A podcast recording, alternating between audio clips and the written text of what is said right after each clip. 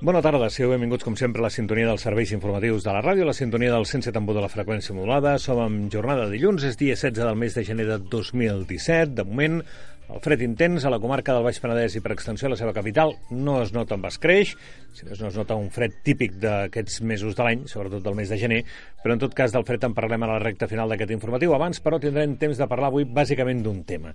Haurem de parlar de la deslleialtat d'Eva Mata al govern municipal. Compareixença avui davant dels mitjans de comunicació de Martí Carnisser, alcalde de la nostra vila, parlant de set motius d'aquesta deslleialtat. D'aquest fet en parlem avui en detall a l'informatiu, un informatiu, com dèiem, pràcticament monogràfic, perquè Martí Carnisser després també ha volgut parlar de la municipalització del servei de, recull, del servei de neteja viària, i d'aquest fet també en parlem en detall en aquest informatiu. A la recta final tindrem temps de parlar d'esports i de la crònica del temps, avui amb un informatiu amb un format un xic diferent i que fa possible d'una banda la Marga Márquez a les vies de sol, la redacció complet del Vendell Comunicació, i d'altra banda en Guillem Solem, l'actualitat esportiva i en Marc Rodero amb l'actualitat meteorològica. Sense sumari de titulars, entrem directament en contingut.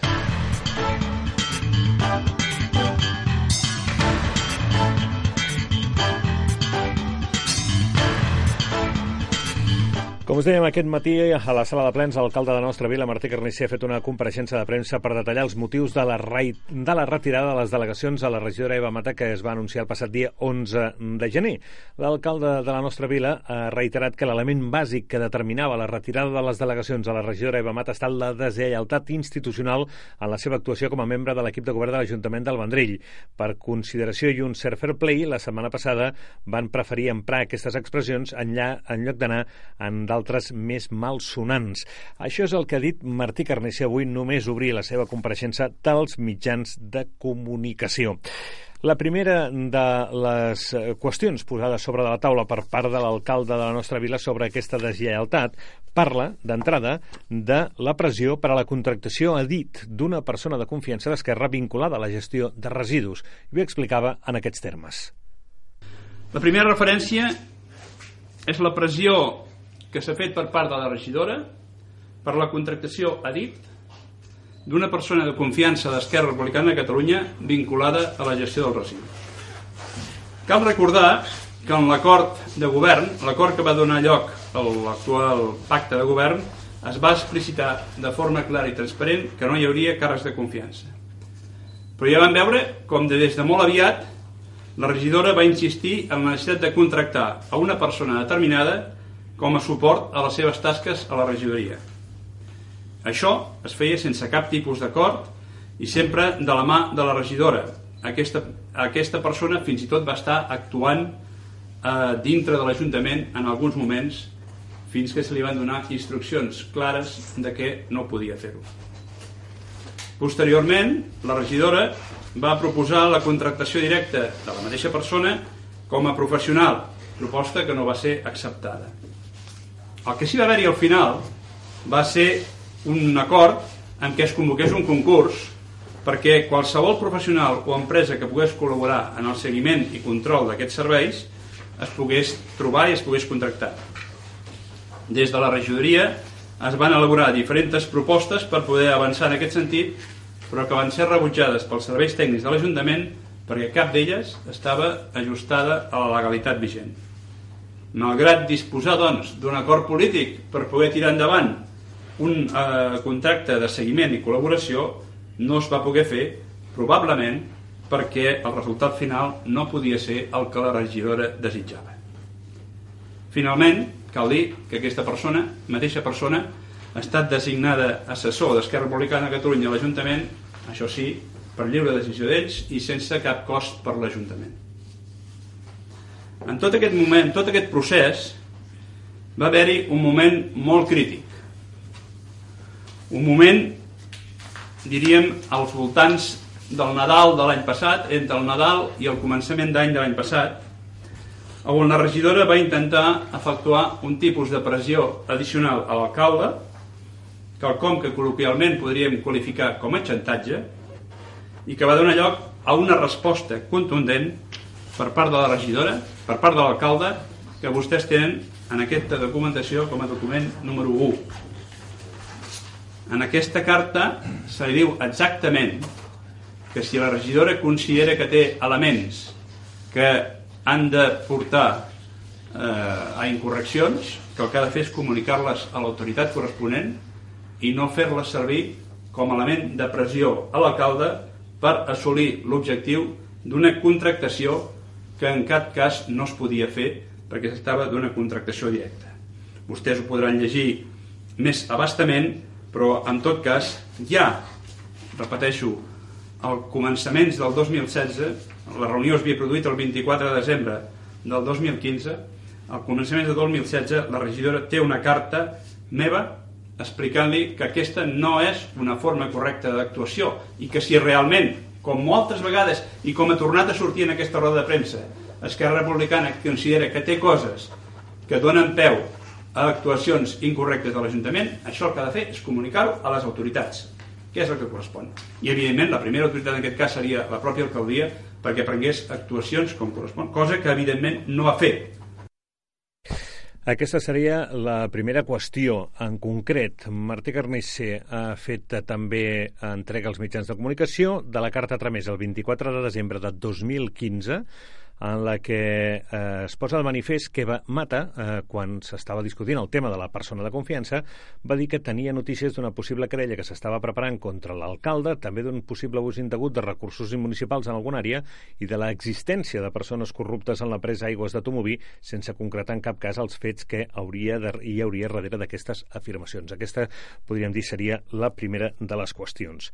Més, no compliment dels terminis acordats per la recollida eh, selectiva comercial.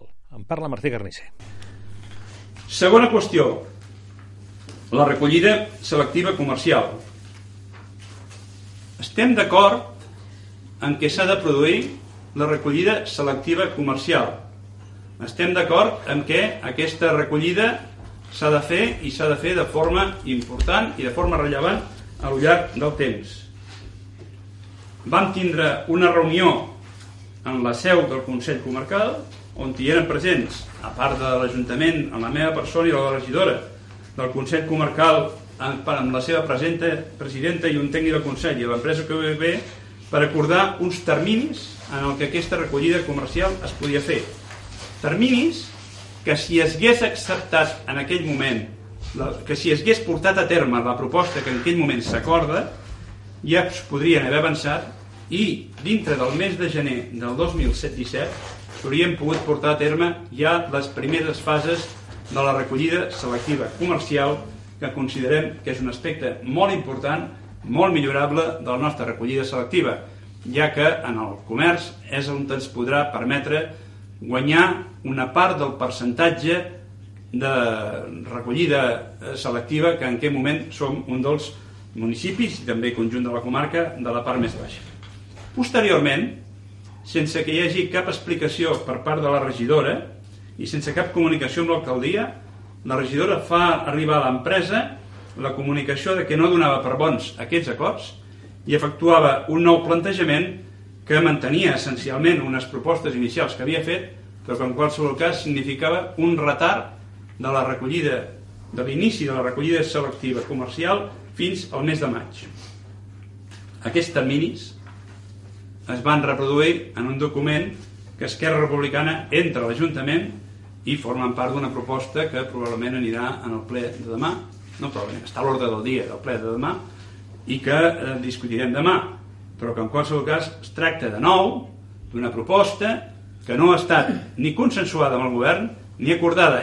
És més, el consens que s'havia arribat a l'entorn d'aquesta proposta es trenca de forma unilateral i sense cap mena d'avís per part de la regidora Eva Mata. Estem al punt número 2. Punt número 3 del 7 que ha destacat Martí Carnisser per aquesta deslleialtat són els efectes de la proposta de finalització de l'acord de vigilància i manteniment de l'àrea de Tomoví que comporta el desnonament d'una família. Martí Carnisser. Que l'acord era l'acord on es parlava de Ah, veiem exactament vigilància i manteniment de la mateixa per un any prorrogable. Aquest acord s'acabava, es va comunicar a aquestes persones, però sense advertir a la Junta de Govern per part de la regidora que aquest acord implicava el desnonament d'una família que ocupa un espai en aquell indret. Posteriorment, aquí es va traspassar aquest problema a l'àrea de serveis per part de la regidora quan ja, diguem, les presses no ho permetien trobar-hi solució i finalment va tindre que ser, va tindre que intervenir directament com a alcalde per garantir a aquesta família que no es produiria el desnonament i que es preservarien els seus drets socials. Però l'important en aquest cas és una proposta d'acord instat per la regidora que té aquestes conseqüències, conseqüències no desitjables, no volgudes per l'Ajuntament, que ho fa sense advertir a la Junta de Govern de que poden produir-se aquest procés. Més qüestions. Punt número 4. Treballs paral·lels en contra dels acords de la Junta de Govern sobre la canalització d'aigua de la Riera de la Bisbal a la seva desembocadura, és a dir, a Sant Salvador. Martí Carnisser. Treballs en paral·lel de la regidora en contra d'acords de la Junta de Govern. S'han produït diferents situacions. En tot cas, aquí en comentem una de concreta la canalització de l'aigua de la Riera de la Bisbal. El 21 de novembre del 2016, després del debat corresponent a la Junta de Govern, va acordar, i això ho troben vostès en el document número 3, per majoria, donar suport a la petició de la Junta d'Associacions de, de Veïns de Sant Salvador en el sentit que les aigües depurades que baixen per la Riera de la Bisbal no arribessin a la platja. Aquest era un debat que saben que vostès que durant aquest hivern, finals d'estiu hivern, han tingut en diferents moments, la Junta de Govern acorda no donar, don, o sigui, acorda donar suport a la petició de la Junta de Veïns i reclamar a l'ACA que un interceptor que ja està construït es posi en funcionament, es posi en marxa i faci les funcions pel que està previst. Aquest acord la, la regidora Eva Mata no hi estava, va manifestar la seva discrepància, cosa que des d'aquest punt de vista és perfectament legítim, el que no és legítim és que malgrat l'acord de la Junta de Govern ell hagués continuat contactes amb diferents administracions contradint el parer de lo que és la Junta de Govern i a més efectués l'encàrrec de propostes i projectes i actuacions que contradiuen aquesta junta, aquest acord de la Junta de Govern. Més coses, parlem ara del punt número 5, és el trencament de l'acord obtingut per la selecció d'un soci per l'empresa mixta d'aigües. Diu eh, Martí Carnisser en la seva intervenció que després d'una trobada amb Esquerra per donar a conèixer el posicionament del govern, Esquerra va manifestar el seu acord polític amb la proposta i, en canvi, en la votació del ple, la regidora s'absté. Martí Carnisser. Què element de deslleialtat? Trencament de l'acord obtingut per la selecció d'un soci per l'empresa mixta d'aigües. El procés de selecció d'un soci privat per l'empresa mixta d'aigües d'Omoví, procés que ve derivat, recordo, d'una sentència judicial, ha estat llarg i intens. I en tot el procés hem volgut sempre portar-lo amb molta cura per evitar al màxim el risc de possibles recursos. Quan hi ha el procediment de selecció de la licitació que s'ha fet públic, amb concurrència i en presència de tothom, estava suficientment avançat i es coneixia la proposta de la mesa de licitació, i la mesa ja es havia reunit, i havia terminat tota la seva tramitació, i se sabia quina era la seva proposta, alguns grups polítics van demanar per entrevistar-se amb l'empresa que sortia la proposta. Un dels grups que es va demanar aquesta entrevista va ser Esquerra Republicana per Catalunya. Després de la trobada, Esquerra va manifestar el seu acord polític a la proposta. En canvi, en la votació del ple, la regidora es va abstindre, i no solament es va abstindre, sinó que va fer una intervenció molt dura sobre la qüestió, trencant l'acord que s'havia formulat, trencant les bases sobre el que s'havia treballat, sense, repeteixo, que s'hagués produït en cap moment cap explicació, cap comunicació d'aquest canvi de criteri. Sobre la validesa de la proposta de municipalització del servei de neteja viària, Martí Carnicer parla d'ocultació de documentació. Sisena referència. Ocultació de documentació. L'informe sobre la validesa de la proposta de municipalització. No és, aclareixo, no és sobre la proposta en si mateixa, sinó sobre el procediment. Sobre la proposta ja en parlarem després. Per tal d'avaluar la proposta de, municipalització que havia efectuat la regidora, vam fer un document des de la regidoria eh, d'una proposta per fer la municipalització del servei. Per tal d'avaluar aquesta proposta va haver-hi l'acord que es va materialitzar el 12 de setembre d'encarregar de seleccionar una empresa perquè fes un informe sobre aquella proposta. L'empresa és Data Ambient, assessor Societat Limitada. Aquesta empresa ha elaborat i entregat a la regidora tres documents. Un primer esborrany que el va entregar el 19 d'octubre. Un segon esborrany que el va entregar el 16 de desembre. I un acord definitiu que va entregar el 6 de gener. Les dates són les dates que ens ha donat l'empresa. 6 de gener, deu voler dir el 7, però bueno, en fi, és la data que ens ha dit l'empresa és el 6 de gener. Malgrat que en diferents moments i en diferents actuacions des de l'alcaldia se li, ha reclamat, se li havia reclamat a la regidora aquestes propostes, aquests documents, mai, en cap moment, la regidora ha fet arribar aquests documents ni a l'alcaldia ni al Departament de Contractació de l'Ajuntament. La regidora ha estat amagant aquests papers i per fer-los servir, diríem, pels seus usos, en canvi sí que ens consta que persones d'Esquerra Republicana de Catalunya han tingut accés a aquesta documentació i n'han fet l'ús que han considerat convenient. En tot cas, del primer dels escrits, del que es va arribar a la regidora el 19 d'octubre, l'Ajuntament n'obté una còpia per sol·licitud directa a l'empresa que l'havia efectuat el dia 21 de novembre, és a dir, un mes després de que la regidora ja en disposés. El segon esborrany, que l'Ajuntament oficialment no ha arribat a conèixer, en coneixem la seva existència a partir d'un escrit que el president de la secció local d'Esquerra Republicana de Catalunya entra al registre general de l'Ajuntament el 19 de desembre com a suport d'una proposta. Repeteixo, el coneixem a partir d'una proposta que entra el president local de, el president de la secció local d'Esquerra Republicana de Catalunya. L'Ajuntament no, no l'havia vist. Veient aquestes, aquestes referències, des de l'alcaldia es requereix a l'empresa d'Atambient que faci arribar tota la documentació i en data 13 de gener, divendres passat, eh, tenim ja coneixement de totes la informació, dels tres documents, del primer esbarany, del segon esbarany i d'un informe definitiu, que tampoc, que tampoc la regidora ens ha fet arribar. Ocultar documentació amb un procés tan sensible, tan important, que tenia que ser objecte del pacte si és que mm, veiem la possibilitat, és evidentment un element flagrant de deslleialtat per part d'un dels temes que era competència de la pròpia regidora. Doncs aquestes són algunes de les qüestions, però n'hi ha una altra. La manca de confiança, això sí, impossibilita, diu Martí Carnicer, el treball conjunt. Una de les feines que té un alcalde és sempre mantindre el consens dintre l'actuació del govern. Això, que sempre és important, sempre és rellevant, amb un ajuntament amb la situació política de, que té l'Ajuntament del Vendrell d'una dispersió de regidors molt important i on el govern ha estat sempre en minoria eh, dintre la composició del plenari és encara més rellevant.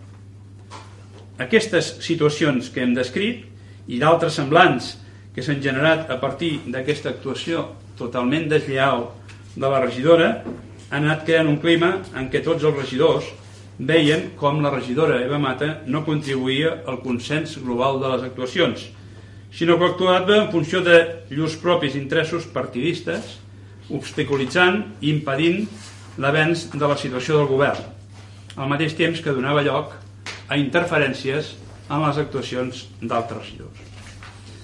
Aquest és el balanç d'actuacions, de propostes, de referències concretes que han donat lloc a la destitució de la regidora per qüestions de deslleialtat. Per tant, no admetem en cap cas que des d'Esquerra Republicana de Catalunya es faci la manipulació d'aquestes dades, ni que tampoc es plantegi que no acceptem, que no accepten la deslleialtat perquè ells el que propugnaven és una política nova que anés cap a un canvi real, són paraules seves textuals. Si aquests exemples que jo els he posat són exemples de política nova i són exemples de canvi real, que hem, que hem de rebutjar totalment les pràctiques que estan bé intentant portar a l'Ajuntament del Vendrell la regidora Eva Mata. I per això, i per això se li han rellevat les seves funcions, se li han rellevat les seves delegacions. Hem volgut estar, hem volgut ser prudents en un primer moment, repeteixo, però vistes les actuacions i vista la forma com s'ha plantejat per part seva la reacció a la destitució, ens sembla que no hi havia altra forma que sortir fent aquest comentari. Doncs això és el que ha dit Martí Carnicer sobre la deslleialtat d'Eva Mata. De segur que en parlarem en properes edicions dels serveis informatius. Demà hi ha ple i de segur que en parlem. Ara fem una pausa i parlem d'un dels punts de demà de l'ordre del dia.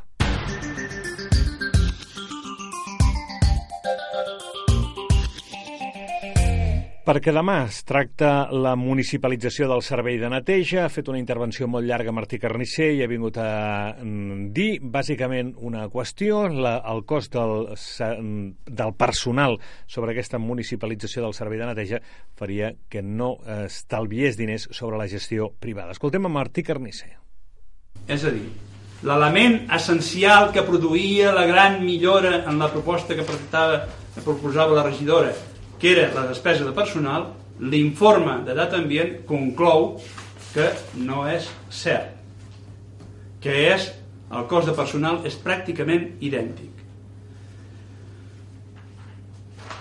Més endavant parla l'informe es diu en la proposta presentada de municipalització no es té en compte cap despesa general, el que implica que l'Ajuntament ha de poder absorbir en la seva estructura administrativa l'actual cost del gestió dels serveis de neteja.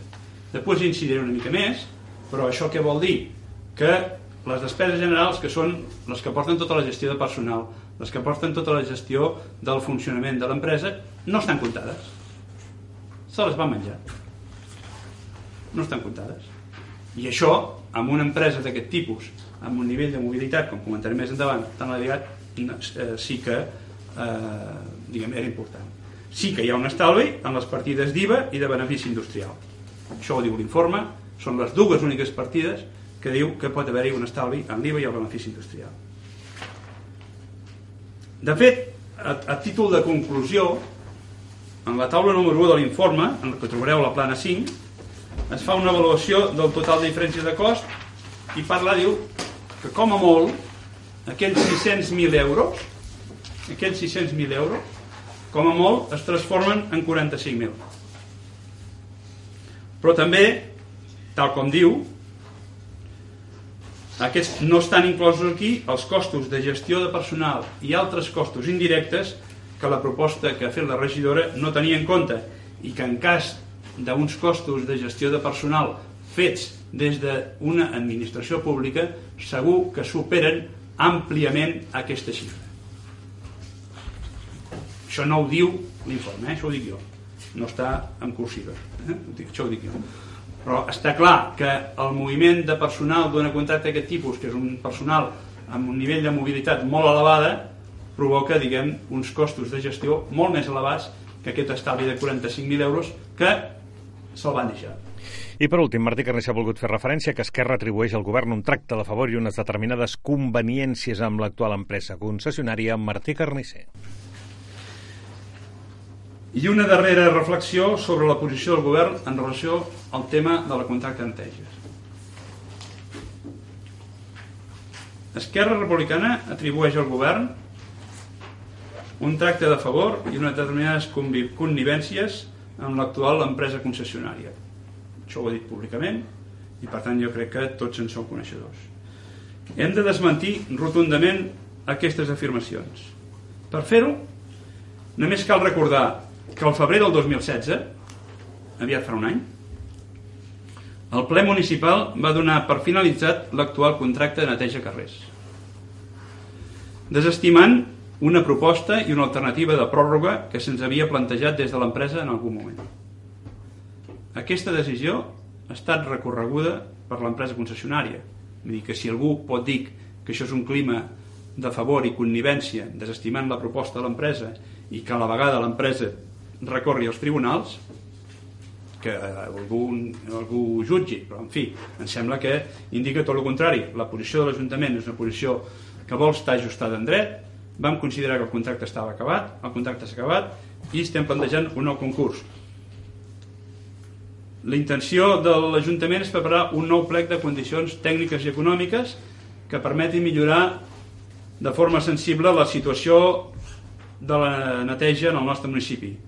Serà, doncs, aquest concurs públic i la seva licitació, si aconseguim que l'Ajuntament ho aprovi, perquè la, la convocatòria l'haurà d'aprovar el plenari de l'Ajuntament, eh, en el seu moment, no de forma immediata, perquè en tota aquesta qüestió el que no s'ha fet és plantejar les bases d'aquest concurs, però ara ens hi podrem posar a treballar, clarament, però serà el plenari el que decidirà la convocatòria del concurs i després el procediment administratiu corresponent el que determinarà quina serà la futura empresa concessionària.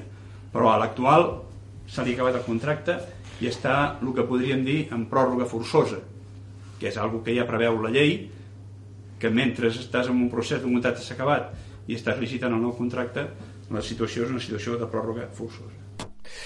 Doncs aquí deixem aquest capítol d'aquesta tempesta política. Demà més, i a més demà hi ha sessió de ple. Ara parlem de tempesta meteorològica.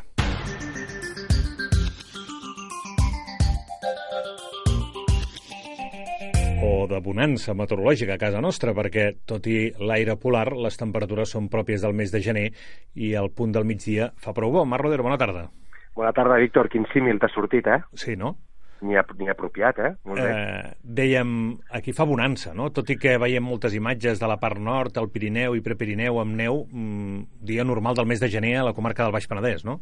Doncs sí, però té les hores comptades, eh? Com molt bé deies, ja des de primeres hores d'aquest matí, quan ens ha creuat el sistema frontal, s'ha tret aquesta ontada de vents de component nord i ara estem a l'espera que arribi aquest aire més continental. Com arriba a Catalunya? Doncs en forma de vent de gregal, un vent de gregal que es farà sentir no tot arreu ni de la mateixa manera perquè l'orografia pròpia del país fa que no afecti aquest vent de la mateixa manera a comarques tan pròximes com per exemple el Garraf o el Baix Penedès, però es sentirà i es farà sentir perquè farà que davallin les temperatures de forma important de cara a les properes hores. Quan ho començarem a notar? Doncs a partir de demà a primera hora del matí. Avui encara no, tot i que han baixat respecte a les d'ahir, moltes màximes avui entre els 11 i els 13 graus, serà a partir de demà quan aquesta davallada sigui més important i sigui més decidida fins a situar-se dimecres i dijous amb valors que les màximes amb prou feina superaran els 7 o els 8 graus a bona part de la comarca. I estem parlant de la façana costanera, per tant, cap a l'interior